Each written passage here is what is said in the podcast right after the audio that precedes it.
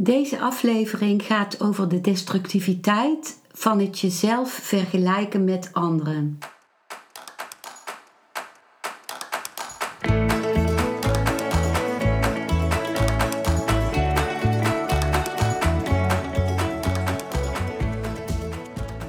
Welkom bij een nieuwe aflevering van Modita's podcast Van Pijn naar Zijn. De podcast waarin ik je meeneem voorbij de pijn in je leven naar wie je diep van binnen bent. Hoe kun je beter omgaan met je gevoelens? Hoe vind je rust in je hoofd? Wat zit er precies achter je pijn? En vooral, hoe kun je steeds meer jezelf zijn? Adem eens diep in en uit. Ik wens je veel luisterplezier.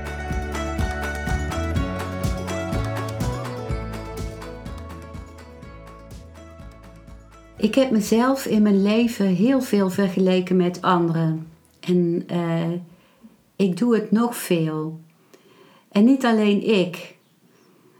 Uh, de maatschappij is zo ingericht dat uh, de opvoeders eh, de ouders, uh, mensen van scholen, de politiek, allemaal willen dat wij uh, presteren en dingen neerzetten die gunstig zijn voor de maatschappij en die ons ook in het gareel houden. En mensen gebruiken, opvoeders gebruiken vergelijking ook om een kind te stimuleren, terwijl het juist eigenlijk helemaal niet eh, stimuleert. Het geeft een soort rivaliteit en het, het verstikt ook heel erg, omdat je, en het, het leidt je weg bij jezelf. Dus ehm, vergelijken was ook een belangrijk bestanddeel van de depressies die ik heb gehad. En verderop in deze, uit, in deze aflevering deel ik ook een stukje daarover uit mijn boek Depressie, een opstap naar geluk. En ik ben de laatste tijd steeds meer op mezelf aan het letten wanneer ik vergelijk. Op dit moment stroomt mijn leven, maar ik merk dat zodra er een uh, element van vergelijken komt, dat, mijn dat mijn, iets in mijn dag meteen afgeremd wordt. Dus nu ben ik er als de kippen bij om daar alert op te zijn. En wat ik dan merk is dat vergelijken in feite dissociëren is. Ik ben bezig met een, uh, een bijscholingscursus over trauma, om mensen te kunnen begeleiden met trauma. En bij trauma, als er iets heel uh, schokkerends gebeurt in je leven, dan wat niet meer te handelen is door het zenuwstelsel, dan ga je dissociëren. Dan split je bepaalde delen van je systeem af om te kunnen overleven. Dus het, het bedreigende stuk geef je een aparte plek in je, je hersenen of in jouw uh, geheugen, zeg maar. En een ander stuk wat je nodig hebt om te overleven, koppel je daar los van. En wat ik merk is dat dat, je dat, dat ik dat bij vergelijken ook doe. Dan ben ik met mijn gedachten ergens bij iemand die het beter heeft eh, dan ik. En het kan ook zijn bij iemand die het slechter heeft dan ik. Eh, soms dan houden we er ook van om te denken aan iemand die het slechter heeft. Dat klinkt raar, houden van. Maar het geeft ons dan het gevoel dat we superieur zijn, dat we het beter hebben.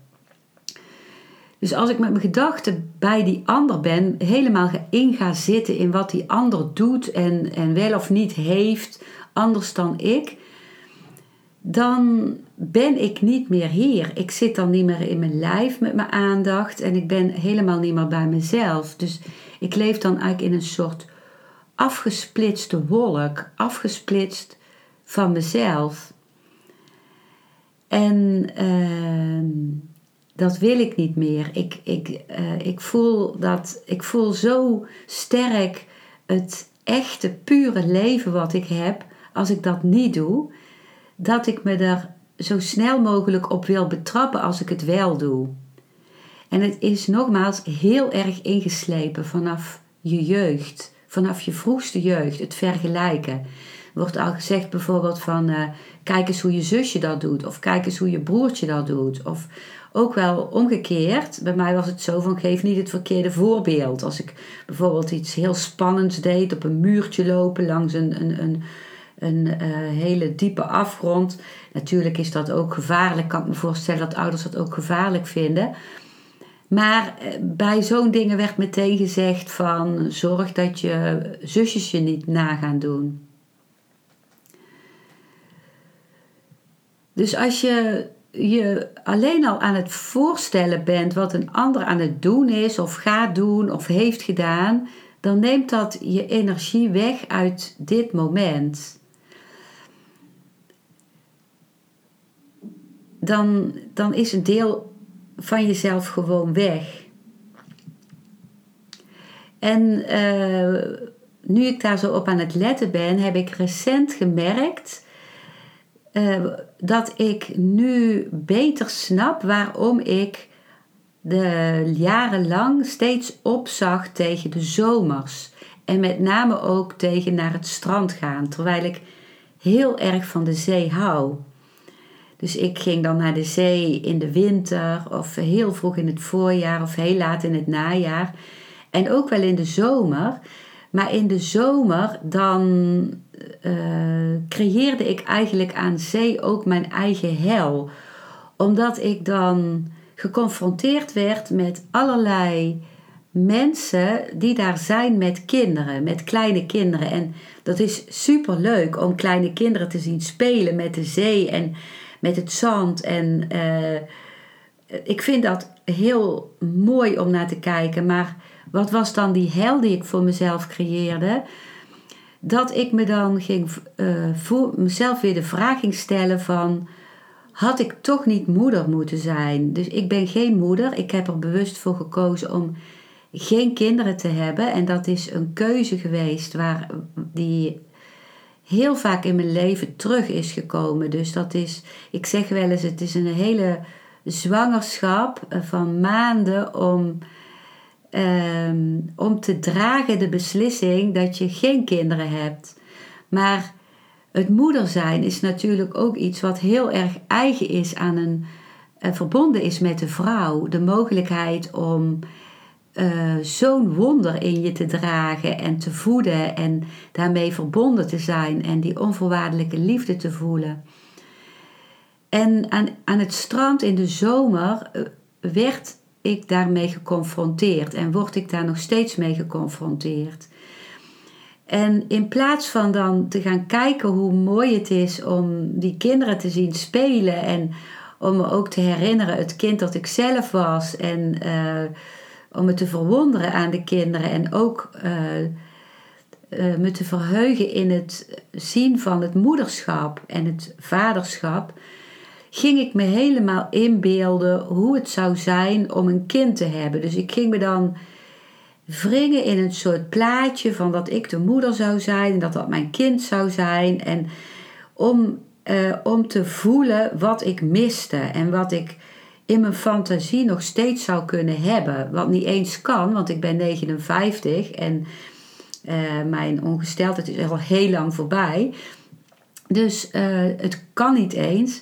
Maar ik merkte dan dat ik gewoon niet meer leefde aan dat strand. Ik, ik was in een soort wolk en mijn eigen leven stond stil. Dat kan ik pas terugkijkend zien. Het, het gevoel wat ik had was dat ik gewoon doods was. En deze zomer heb ik besloten om wel naar de zee te gaan. Ik, ik, uh, ik ben al één keer geweest en ik ga in augustus weer. En uh, ik wilde gewoon de zomer meemaken. En de zee is, aan zee zijn is voor mij de optimale zomer. En pas toen ik uh, in juli, half, begin juli aan zee was, toen voelde ik pas, oh ja, dit is eh, wat het mij zo moeilijk maakte om naar zee te gaan. En nu wil ik de confrontatie aangaan en ik wil het gebruiken om mezelf echt elke keer terug te fluiten naar mezelf. En naar mijn blik van nu. Hoe kijk ik nu? Wat, wat voel ik nu? En wil ik wel of niet naar de kinderen kijken? En kan ik de kinderen gewoon zien zoals ze zijn en de moeders? Dus daarom, uh, dat was ook dat, dat ik me zo op mijn gemak voelde in het Osho Meditatiecentrum in Pune in India. Er zijn zeker ook mensen die daar komen die kinderen hebben. Maar er waren ook heel veel mensen die geen kinderen hebben.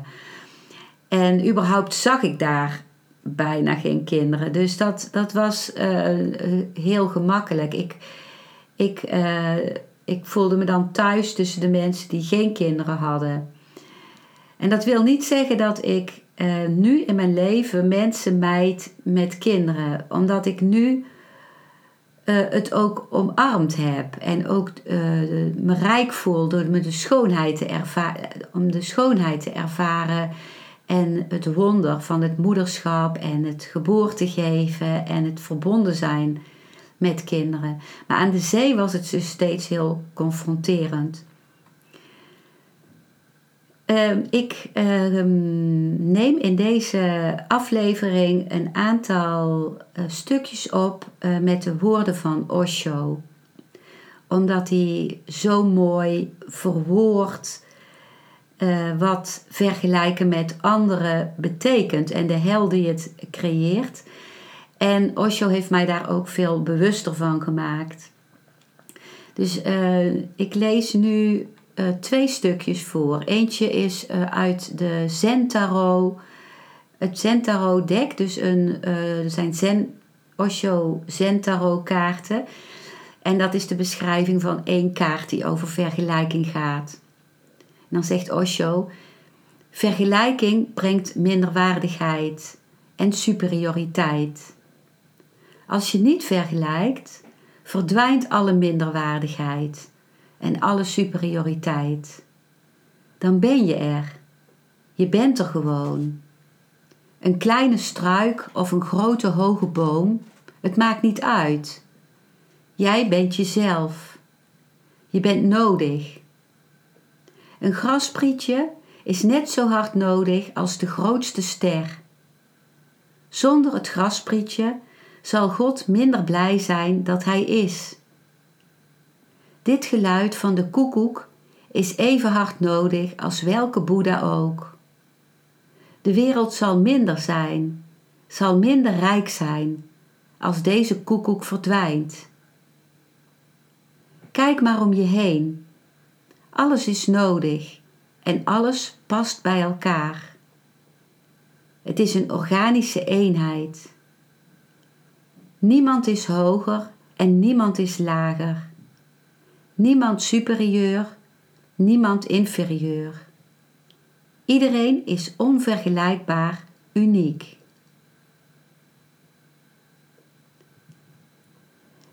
En een ander stukje van Osho wat ik ehm, laatst hoorde was over dat mensen gewoon verschillend zijn.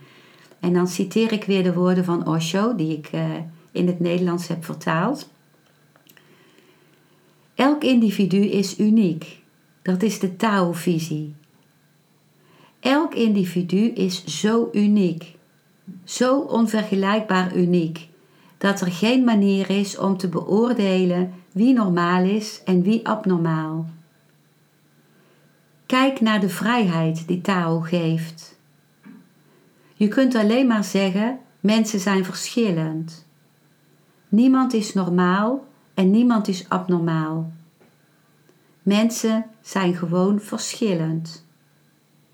Als je eenmaal begrijpt dat mensen verschillend zijn, laat je voor het eerst de ideeën van minderwaardig zijn en superieur zijn vallen. Voor het eerst verdwijnt de vergelijking. Iemand is op deze manier. Iemand anders is op die manier. En dan nog een stukje van Osho over um, de serie van discourses die hij heeft gesproken over in uh, Tao de Padles Pad, wat ik op dit moment aan het beluisteren ben. En dat zijn deze woorden. Het geleende, het geïmiteerde is altijd onecht.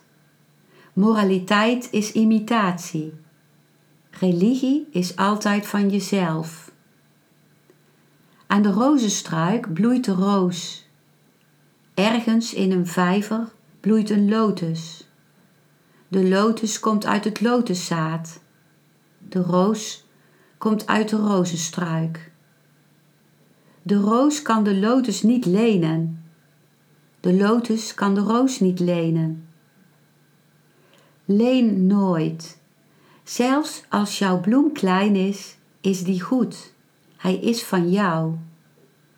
Zelfs als de bloem van iemand anders heel groot is, veel geur geeft, veel kleur heeft, leen hem niet. Die van jou is goed. Hij is jouw bestemming. God wil dat je bloeit in je eigen zijn. Voor mij was het heel belangrijk om uit mijn depressies te komen, om het vergelijken op te geven. En daarom heb ik daar ook in mijn boek Depressie een opstap naar geluk. De link naar dat boek staat in de beschrijving onder deze podcast. En dat kan ik iedereen aanraden, omdat het een, een levensboek is, wat ook heel veel herkenning kan geven en heel veel ingangen en inzichten, ook als je niet depressief bent. En uh, ik wil nu een stuk uit dat hoofdstuk uh, voorlezen, een deeltje uit dat hoofdstuk. Hoe meer ik me vergelijk met anderen, hoe verder ik van mijn eigen kern afdrijf. En toch ga ik ermee door. Het is een soort verslaving waar ik bijna niet meer vanaf kom. Het geeft me een pseudoleven. Het lijkt alsof ik het leven leid van degene met wie ik me vergelijk. Net als bij het kijken naar een film, waarbij ik me identificeer met de hoofdpersoon. Als de film dan is afgelopen, donder ik met een klap weer terug in mijn eigen realiteit. Misschien heb ik me wel zo lang met anderen vergeleken om echt helemaal te doorvoelen hoe dit me van binnen verteert en uitholt. En dat alles beter is dan dit.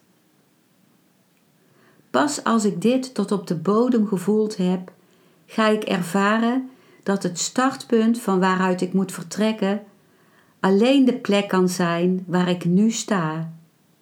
Nu, op dit moment.